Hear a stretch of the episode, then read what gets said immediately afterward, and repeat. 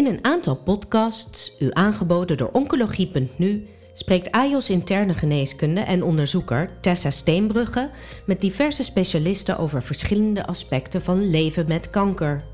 In de laatste decennia is de overleving van patiënten met kanker sterk verbeterd. Dit is onder andere te danken aan screening voor bepaalde kankers, maar vooral aan steeds effectievere, gerichtere behandelingen. Deze ontwikkeling maakt dat we onze focus ook moeten verschuiven van overleven van kanker naar leven met kanker. Wat komt daarbij kijken? Hoe kan je de patiënt en naasten begeleiden? In deze podcastserie over leven met kanker spreekt Tessa Steenbrugge met Kelly de Licht en Lonneke van de Pol over hoe we kunnen toewerken naar gepersonaliseerde follow-up van patiënten met borstkanker en de waarde van PROMS, Patient Reported Outcome Measures, in de huidige klinische praktijk. Kelly de Licht is postdoc in het Antonie van Leeuwenhoek in de groep van Lonneke van de Pol, waar zij onderzoek doet naar de kwaliteit van leven van patiënten met kanker en daarnaast is zij projectleider van het implementeren van de PROMS, de Patient Reported Outcome Measures, in de dagelijkse praktijk. Lonneke van de Pol is groepsleider van de afdeling Psychosociaal Onderzoek en Epidemiologie en Overleving en daarnaast sinds dit jaar hoofd van het onderzoek bij het Integraal Kankercentrum Nederland. Daarnaast is zij hoogleraar kankerepidemiologie en overleving aan de Universiteit van Tilburg. Met behulp van een NBO-subsidie heeft zij de Profiles Registry opgezet in 2009 en daarna uitgebouwd. Hierin worden patiëntgerapporteerde gegevens over ervaren kwaliteit van leven en kwaliteit van zorg gecombineerd met gegevens uit de Nederlandse kankerregistratie. Welkom allebei. Dankjewel. Dankjewel. Ik wil beginnen met de studie op basis waarvan jullie voorstellen verder onderzoek te doen naar een gepersonaliseerde follow-up voor patiënten behandeld voor een vroeg stadium borstkanker. Dat klinkt heel aantrekkelijk. Uh, Kelly, jij hebt de resultaten daarvan al gepresenteerd op het ESMO Breast Congres vorig jaar en recent zijn deze resultaten ook gepubliceerd. Lonneke, kan je ons vertellen waarom deze studie? Ja, uh, deze studie komt eigenlijk voort uit onze uh, observaties van, onze, van ons onderzoek naar kwaliteit van leven en klachten. En daar viel het ons steeds op, niet alleen bij borstkanker, maar bij allerlei uh, vormen van kanker, dat patiënten vaak niet maar één uh, vervelende bijwerking of langetermijneffect rapporteren, maar dat daar vaak een clustering ontstaat. Dus je ziet dan mensen die last hebben van vermoeidheid, zijn vaak ook de mensen die wat meer angst hebben of slecht slapen of uh, meer pijn ervaren. En dat je die klachten kan je eigenlijk niet als een soort losse entiteit zien. Terwijl in onderzoek wordt er wel heel vaak op die manier geanalyseerd. Dan wordt er één klacht uitgelicht en onderzocht. Terwijl in de klinische praktijk hebben jullie als dokters te maken met een patiënt die te maken heeft met al die klachten. Dus hadden wij zoiets van ja, als je de zorg nou wat beter wil inrichten, want uiteindelijk doe je daar je onderzoek voor, um, dan moet je dat ook wat praktischer aan gaan pakken. En toen zijn we dus inderdaad um, een analyse gaan doen, een clusteranalyse. Daar zal Kelly straks vast wel meer over vertellen.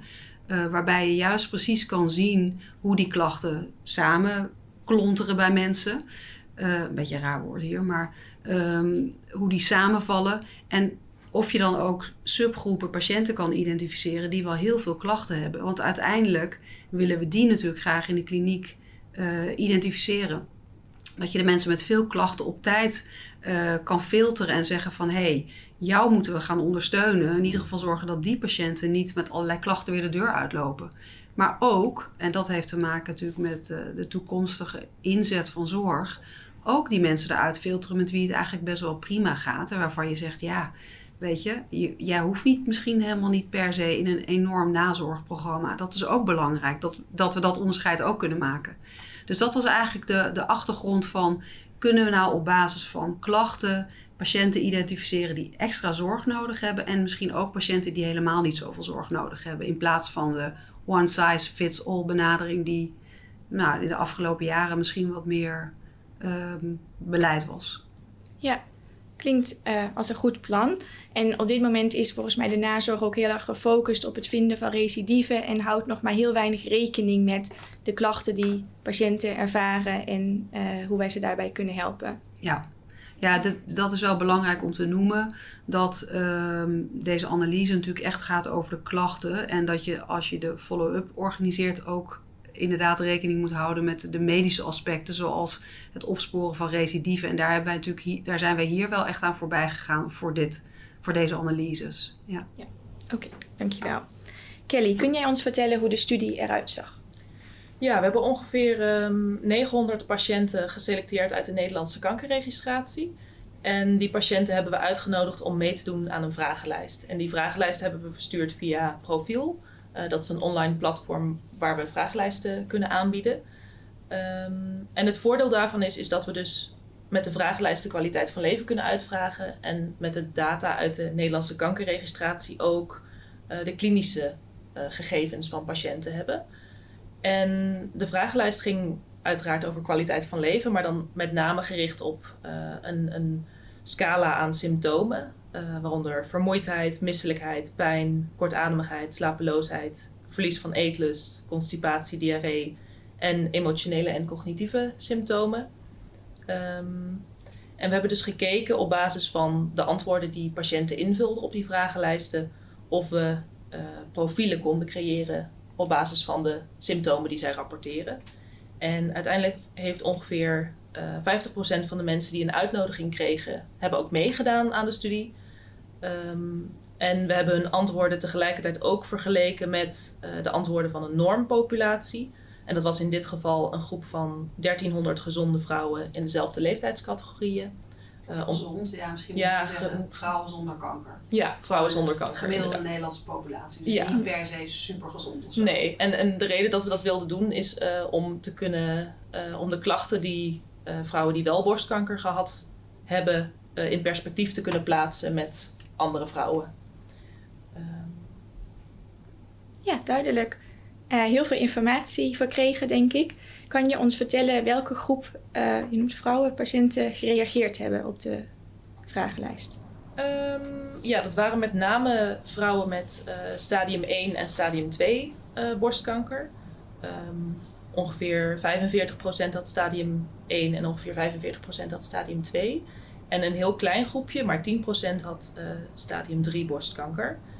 Um, en verder hebben we gekeken naar bepaalde patiëntkenmerken en die waren zeg maar vergelijkbaar met uh, de borstkankerpopulatie in het algemeen. Waarmee we dus kunnen bepalen dat we een representatief sample hebben, uh, in ieder geval voor stadium 1 en 2 borstkanker. Oké, okay, dat is fijn. Kun je ons vertellen wat de resultaten zijn van de studie? Um, ja, we zagen eigenlijk drie uh, profielen of drie subgroepen. Um, er was een groep patiënten van ongeveer een derde van de patiënten um, die had een betere kwaliteit van leven dan de normpopulatie. Dus met die patiënten lijkt het eigenlijk heel goed te gaan. Dan was er een groep met een gemiddelde symptoomlast en dat was 55% En zij rapporteerden een gelijke kwaliteit van leven uh, in vergelijking met de normpopulatie. Behalve voor uh, vermoeidheid, slapeloosheid en cognitieve klachten. Want daar zagen we dat deze vrouwen wel echt meer klachten rapporteerden uh, dan de normpopulatie. En dan was er tenslotte nog een kleinere groep van 15%. En zij hadden echt een slechtere kwaliteit van leven dan de normpopulatie. Uh, waarbij vermoeidheid, pijn, misselijkheid, slapeloosheid, verlies van eetlust en cognitieve symptomen echt aanzienlijk slechter gescoord werden. Ja, dus die groep, dat is waar we het net even over hadden, die groep wil je zeker kunnen opsporen in de kliniek. Die vrouwen hadden echt die, die niveaus van de klachten lagen twee keer zo hoog als bij de anderen. Dat waren echt uh, enorme scores. Ja, goed om daar een onderscheid in te kunnen maken. En ik denk wel heel goed nieuws dat niet alle vrouwen eh, behandeld voor borstkanker meer of, eh, klachten ervaren en minder kwaliteit van leven dan een gemiddelde Nederlandse vrouw. Dat is ook al een hele mooie bevinding. Ja, absoluut. Kun je ons iets meer vertellen over de subgroepen die jullie dan geïdentificeerd hebben? Um, in termen van kenmerken van die subgroepen? Ja, um, ja dat is dus nog wel een lastig punt, want we hebben nu niet per se uh, patiëntkenmerken of behandelkenmerken gevonden die kunnen voorspellen in welke groep een patiënt valt. Um, maar wel zagen we dat symptoomprofielen geassocieerd waren met de aanwezigheid van uh, comorbiditeiten. Dus andere chronische ziekten die uh, door patiënten gerapporteerd zijn. Um, maar wat lastig is aan het design van deze studie is dat we symptomen en comorbiditeiten op hetzelfde moment gemeten hebben. Hm. Dus we kunnen niet heel veel zeggen over de oorzaak-gevolgrelatie uh, van deze associatie. En idealiter zouden we dus met een prospectieve uh, studie dit wel achterhalen. En dat is een studie die we nu uh, in het AVL gestart zijn. Okay. Um, eigenlijk in de zin van uh, de reguliere PROMS-verzameling. Oké, dat is leuk om zo meteen ja. nog verder te bespreken. Mm -hmm. um, en als ik je goed begrijp, dan zijn patiënten die andere comorbiditeit hebben, die hebben ook een grotere kans om uh, in de categorie te vallen meer klachten ervaren na de behandeling ja. borstkanker. Ja, en we hebben hier gekeken naar het uh, wel of niet hebben van comorbiditeit. Okay. Zeg maar. En het, Duidelijk. het aantal comorbiditeiten. Dus niet specifiek naar wat voor comorbiditeiten mensen hebben. Oké. Okay. En je zei al even, we denken dat uh, de populatie een afspiegeling is van uh, de algehele populatie patiënten met stadium 1 of 2 borstkanker, kunnen we dan ook zeggen dat de resultaat, uh, resultaten die jullie gevonden hebben representatief zijn voor de algehele populatie? Ja, ik denk dat we dat wel uh, mogen zeggen. Zeker voor stadium 1 en 2. voor stadium 3 zou ik daar voorzichtiger mee zijn, omdat we dus maar zo'n kleine groep patiënten met stadium 3 hebben kunnen includeren. Ja, oké. Okay.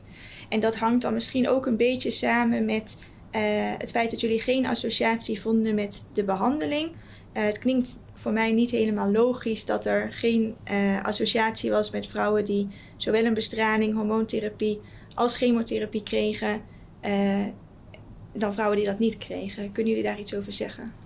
Ja, dat, dat vonden wij zelf ook wel gek, want in de literatuur zie je wel heel nadrukkelijk wel die relatie. En dat zien jullie natuurlijk in de kliniek ook. Um, we zagen wel in een recente meta-analyse van de groep van uh, Hans Knoop dat, uh, dat die relatie tussen de behandeling en uitkomsten, vooral bij de hogere stadia, toch wat uh, nadrukkelijker aanwezig is. En dat zou passen wel bij onze bevinding, want wij hebben natuurlijk vooral stadium 1 en 2 hier geïncludeerd, waarbij je ook zeker wel wat vermoeidheid zag, maar niet in zo'n extreme mate en dus blijkbaar ook minder gerelateerd aan die behandeling. Of dan komt die behandeling in je, in je model, technisch gezien, gewoon wat minder sterk naar voren. Terwijl waarschijnlijk als we ook stadium 3 en 4 erbij hadden gehad, hadden we de, die relatie sterker gevonden. Ik denk dat dat de verklaring is, eerlijk gezegd. Ja, dat klinkt ja. aannemelijk. Um, en uh, op basis van wat jullie nu gevonden hebben, hoe zou een gepersonaliseerde follow-up eruit kunnen zien? Ja, nou kijk, wij daar zijn we dus nu helemaal naartoe aan het werken. En um, dit was een eerste cross-sectionele verkenning. Overigens zien we, vind ik heel interessant, in de literatuur ook steeds meer van dit soort predictiemodellen voor kwaliteit van leven uh, opkomen. Um, waarbij bijvoorbeeld ook echt blijkt dat uh, hoe vrouwen binnenkomen in de kliniek, dus hun baseline metingen op het gebied van kwaliteit van leven, lijken ook wel voorspellend te zijn uh, voor hoe zij op de termijn zeg maar, hun, hun, klachten ontwikkelen en hun kwaliteit van leven. En dat klinkt ook ergens natuurlijk heel logisch. Van als je al met een, met een slechte gezondheid of met veel problemen binnenkomt, is het ook logisch dat je, of aannemelijker, dat je meer gedoe ontwikkelt op termijn. Um, maar dat is ergens ook een hele uh, interessant aanknopingspunt voor ons. Want stel dat wij nu, en we zijn nu echt uh, inmiddels in het AVL duizenden patiënten aan het volgen met PROMS, waarvan al bijna duizend borstkankerpatiënten. En wat we eigenlijk naartoe willen werken, is dat we straks in huis goed kunnen identificeren welke vrouwen op termijn problemen ontwikkelen. En bij voorkeur hoop je daar zo snel mogelijk ja, factoren te vinden die daar wat over zeggen. Dus het zou het mooiste zijn als je op baseline al bijna kan zeggen: Nou, de, deze dame is kwetsbaar voor het ontwikkelen van die klachten puur hoe zij bij ons binnenkomt, in combinatie met het soort behandeling die ze gaat krijgen, kunnen we al aannemen dat zij ja, veel kans heeft dat ze dit of dat gaat ontwikkelen. En dan kan je al eigenlijk heel vroegtijdig ondersteunende zorg aanbieden. Um, dus ja, we willen nu echt deze bevinding bijna gaan valideren uh, uh, met een longitudinaal traject in ons eigen ziekenhuis. En uh, dan, dan dat ook echt gaan inzetten en gaan kijken van werkt dat dan als we bepaalde, daar moet het dan naartoe, als we die, die groepen vrouwen die veel problemen potentieel gaan ontwikkelen, vroegtijdig gaan begeleiden. En dus ook andere vrouwen misschien alleen maar hoeven te counselen en te zeggen, nou, deze informatie kan je online vinden en verder prima, maar je hebt geen extra begeleiding nodig. Maar nou ja, daar zit natuurlijk ook een patiëntenkant aan. Maar dus daar moet het naartoe en dan willen we dat uh, verder gaan evalueren of dat op die manier ook zo in te richten is. Ja. klinkt alsof er wel veel ruimte is uh, om een gepersonaliseerde follow-up te bedenken voor patiënten op basis van wat jullie nu weten? Ja, ik denk dat die ruimte er is. En ik denk ook echt dat we hem moeten gaan nemen. Omdat de zorg anders niet meer houdbaar is. Ja, ik wil natuurlijk niet heel super negatief klinken. Maar ja, we horen al die verhalen over uh, tekorten aan mensen. En ook met name in de zorg. En burn-out bij dokters. En dus ja, je moet naar andere manieren van uh, zorg inrichten gaan. En ik denk dat dit een manier is. Waar de patiënt overigens ook heel veel profijt van kan hebben. Omdat we dan de patiënten die het heel erg nodig hebben goed kunnen begeleiden. En de patiënten die het niet zo nodig hebben ook patiënt af kunnen maken. Kunnen zeggen, ja weet je, eigenlijk is het zo wel goed. Je mag naar huis en kom maar terug als er klachten zijn. En als je, ja, dat zien wij ook in studies, dat patiënten dat super fijn vinden. Dat je gewoon niet meer patiënt bent. Ja, dus daar waar dat kan, is dat natuurlijk ergens ook heel fijn. Ja, dat lijkt mij ook. En misschien is er ook nog wel winst te behalen bij het vroeg identificeren van patiënten die kwetsbaar zijn. Dat ja, het ook niet zo erg hoeft te worden als ze al op tijd geholpen worden. Precies, ja. Ja, dat is wel een goed punt wat je hier maakt. Want dat, daar zijn de laatste jaren ook heel veel studies naar gedaan. Als je inderdaad vroeg signaleert en meteen kan interveneren uh, dan lijkt het inderdaad, zelfs op de lange termijn, dat zijn al de studies van Besch, die natuurlijk tijdens de uh, chemotherapie heeft gekeken, maar dan lijkt inderdaad op de lange termijn dat uh, de overleving zelfs beter is. Dus ja, daar valt nog enorm veel winst te behalen. Dus het is heel spannend en opwindend wat er allemaal gebeurt, maar ook wel enorm uitdagend om het goed te organiseren in de klinische praktijk. Dus het op, op, papier denk je, ja, dat gaan we natuurlijk allemaal doen, dit wil iedereen. Maar het blijkt in praktijk best een, een, een worsteling om het goed voor elkaar te krijgen, die logistiek ook. Ja, absoluut. En je hebt natuurlijk ook altijd nog, uh, waar, wat we in het begin noemden, het screenen naar recidive, wat wel meegenomen moet worden. Precies. En uh, voor patiënten natuurlijk ook ja. een heel ja. belangrijk punt is. Um, je noemde het al even, Kelly, jij werkt aan het implementeren van PROMS. Uh, de Patient Reported Outcome Measures in de huidige klinische praktijk. En hoe kunnen deze ons verder helpen met het personaliseren van de follow-up? En kan je misschien nog heel even kort uh, de PROMS toelichten? Ja, zoals je al aangaf staat uh, PROMS voor Patient Reported Outcome Measures. En dat zijn vragenlijsten die gaan over kwaliteit van leven, functioneren en symptomen die de patiënt mogelijk ervaart. Uh, en patiënten in het AVL vullen de vragenlijst in voor, tijdens en na de behandeling van kanker. Uh, en ook op de wat langere termijn, dus in de uh, follow-up fase. Um, en we gebruiken de uitslagen van die vragenlijsten voor meerdere doelen. Als eerste om te kunnen bespreken in de spreekkamer, dus tijdens de polyklinische consulten met patiënten, dat de dokter kan zien of de verpleegkundige specialist kan zien, zo staat het ervoor met deze patiënt. Uh, maar die data gebruiken we natuurlijk ook voor onderzoek. Uh, bijvoorbeeld het onderzoek wat we net besproken hebben. Uh, zodat we meer inzicht kunnen verkrijgen in hoe gaat het met de groep patiënten, wat zouden deze patiënten nodig hebben en hoe zouden we de zorg hier beter op kunnen inrichten. Dus dit is zowel op individueel niveau als meer geaggregeerd niveau, zeg maar. Oké, okay, en die studie met de proms en de gepersonaliseerde follow-up, die loopt op dit moment? Um, loopt in de zin van dat we op vaste momenten bij borstkankerpatiënten vragenlijsten uitsturen, zij de vragenlijsten invullen Um, en we in de praktijk daarmee bezig zijn. Uh, het verzamelen van de data is natuurlijk nog steeds gaande. Dus okay. echt een wetenschappelijke studie hebben we nog niet kunnen doen. Uh, maar dat verwacht ik wel op termijn van 1 à 2 jaar. Okay. Maar we hebben natuurlijk nu wel in het najaar zal uh, Eva bij ons de analyses doen. Gewoon van de data van die. Dan hebben we er zeker meer dan duizend borstkankerpatiënten. Als we daar specifiek op richten van met wat voor kwaliteit van leven komen ze hier binnen. Uh, maar precies, het wordt natuurlijk interessanter hoe langer je follow-up is. Dus als je mhm. straks echt kan, want we hebben nu van deze vrouwen, van een groot deel van die vrouwen, hebben ook al aardig wat follow-up. Maar hoe langer je volgt, hoe beter je voorspellingsmodel ook kan worden. Dus ik denk wel, Kelly, dat we straks in het najaar wat eerste analyses kunnen doen. En ook een beetje kunnen zien wie er op korte termijn problemen ontwikkelt. En daar alvast over na kunnen denken. Maar ja, als we straks twee jaar verder zijn, dan, dan kunnen we echt beter voorspellen van ja, wat, wat betekent dit op lange termijn. Maar ik denk ook dat zo'n zo'n voorspelmodel, dat blijft een soort uh, continu proces. Hè? Want ja, er komen ook elke keer nieuwe behandelingen en nieuwe ondersteuning bij. En dan moet je weer opnieuw gaan kijken. Je, moet permanent blijven evalueren van wat is nou het effect van deze behandeling. En dat is natuurlijk ook het mooie aan zo'n lopende prommetingen. Als je dat, die hele infrastructuur hebt staan, kan je elke keer ja, een pijlstok in je data uh, zetten en kijken van, uh, oh, hoe, hoe staat het er nu voor? Wat betekent deze nieuwe behandeling? En ontstaan er nieuwe problemen? Wat, wat doet de immunotherapie nu bij mensen? En ja, dat, dat is juist fijn als we dat continu monitoren. Ja, absoluut. En zijn er al eerste uh, analyses gedaan naar het gebruik van de proms in het AVL? Um, we hebben een dashboard waarop we het gebruik kunnen bijhouden in ieder geval. Um, en we zien dat van de um, soorten kanker waar we nu POMS inzetten, dat ongeveer 70% van de patiënten de baseline vragenlijst invult. en daarna neemt het iets af. Uh, maar we zitten gemiddeld wel op, uh, op 60% op de vervolgmeetmomenten.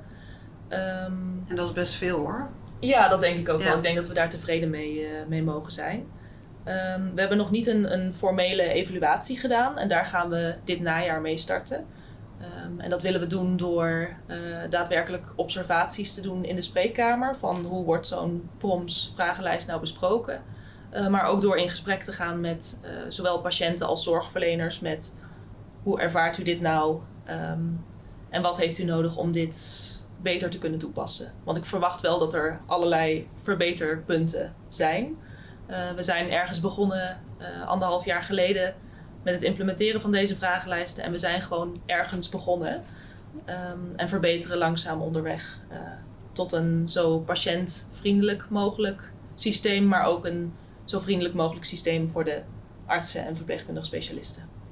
Ja, we kijken ook wel echt uh, hoe die aansluiting is tussen de klachten die de patiënt rapporteert en de ondersteuning die we bijvoorbeeld vanuit het Centrum voor Kwaliteit van Leven, wat we hier in het AVL hebben, of dat goed matcht. Of de juiste patiënten eigenlijk die veel klachten hebben worden doorverwezen.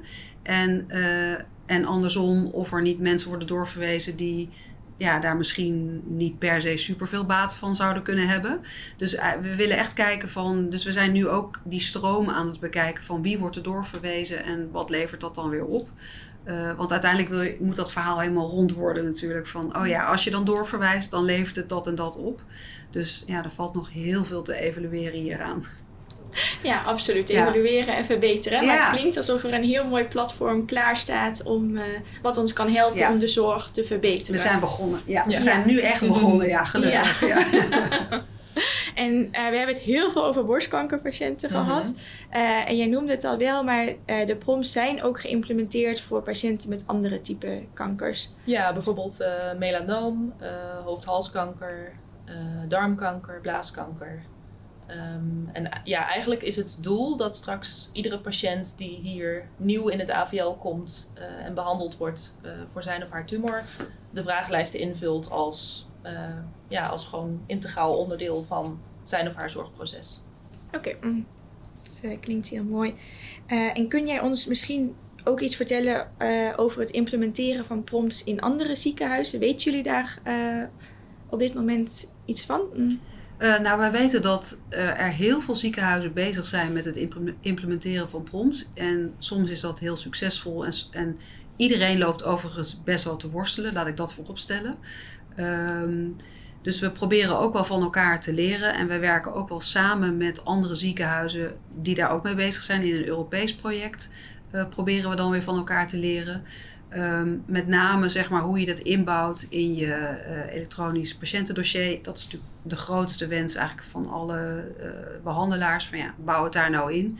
Nou, dat hebben wij voor elkaar. Dat zijn ze elders ook in de andere systemen aan het doen. Dus we hebben wel een uitwisseling. Maar het is wel ook zo dat iedereen zijn eigen logistiek in een ziekenhuis heeft. Dus je bent je kijkt waar je van elkaar kan leren. En ondertussen moet je het ook een beetje uitzoeken voor je eigen logistiek. Hoe dat het beste werkt. En dat is toch maatwerk ergens ook weer. Ja. ja. En waar je goed in bent. Weet je, we hebben bijvoorbeeld in het AVL natuurlijk een Centrum voor Kwaliteit van Leven. Dus wij kunnen ook die ondersteunende zorg prima inrichten. Um, en dat in andere ziekenhuizen moeten ze daar weer andere dingen voor uh, organiseren. Dus ja, dat blijft maatwerk. Ja, en patiënten verwijzen. Precies, ja. ja precies. Ja. Oké. Uh, ja, erg waardevol onderzoek en ik denk een hele mooie weg uh, voorwaarts om uh, de zorg te verbeteren. ik wil jullie graag het laatste woord geven. Willen jullie nog iets toevoegen wat we niet besproken hebben? Nou, ja, wat, wat denk ik goed is, we, de afgelopen jaren zijn we met elkaar in dit veld heel erg bezig geweest van hoe gaan we die prompts nou implementeren. En waar je nu merkt is dat, ondanks dat iedereen daar een beetje mee aan het worstelen is, is dat dat wel echt van de grond begint te komen. Maar waar de volgende vraagstelling nu eigenlijk zit, is van ja, en hoe maken we dat dan zodanig dat het echt effectief wordt? Hoe, hoe koppelen we die prompts aan interventies, zodat het uiteindelijk wat oplevert? Want alleen maar weten of meten en weten, dat is niet per se genoeg om verandering teweeg brengen, te brengen. Dus hoe uh, organiseer je je zorg nou zodanig dat zo'n prom ook daadwerkelijk leidt tot een verandering in je zorg of tot een ondersteuning? En dat is iets waar wij ons ook heel erg mee bezighouden. Dat, want aan de andere kant zijn er ontzettend veel mooie interventies ontwikkeld in de zorg om, om de kwaliteit van leven van patiënten te verbeteren. En hoe brengen we die interventies nou zo elegant mogelijk bij die uitkomsten van die prompt? En daar gaan we ons de komende jaren mee bezighouden.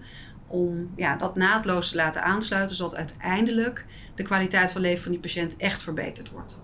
Ja, een hele mooie toevoeging. Ik wil jullie allebei hartelijk bedanken voor dit leuke interview. Dankjewel. Graag gedaan. Bent u geïnteresseerd in de overige podcasts uit de podcastserie Leven met kanker? Deze zijn te vinden op het podcastkanaal van de website oncologie.nu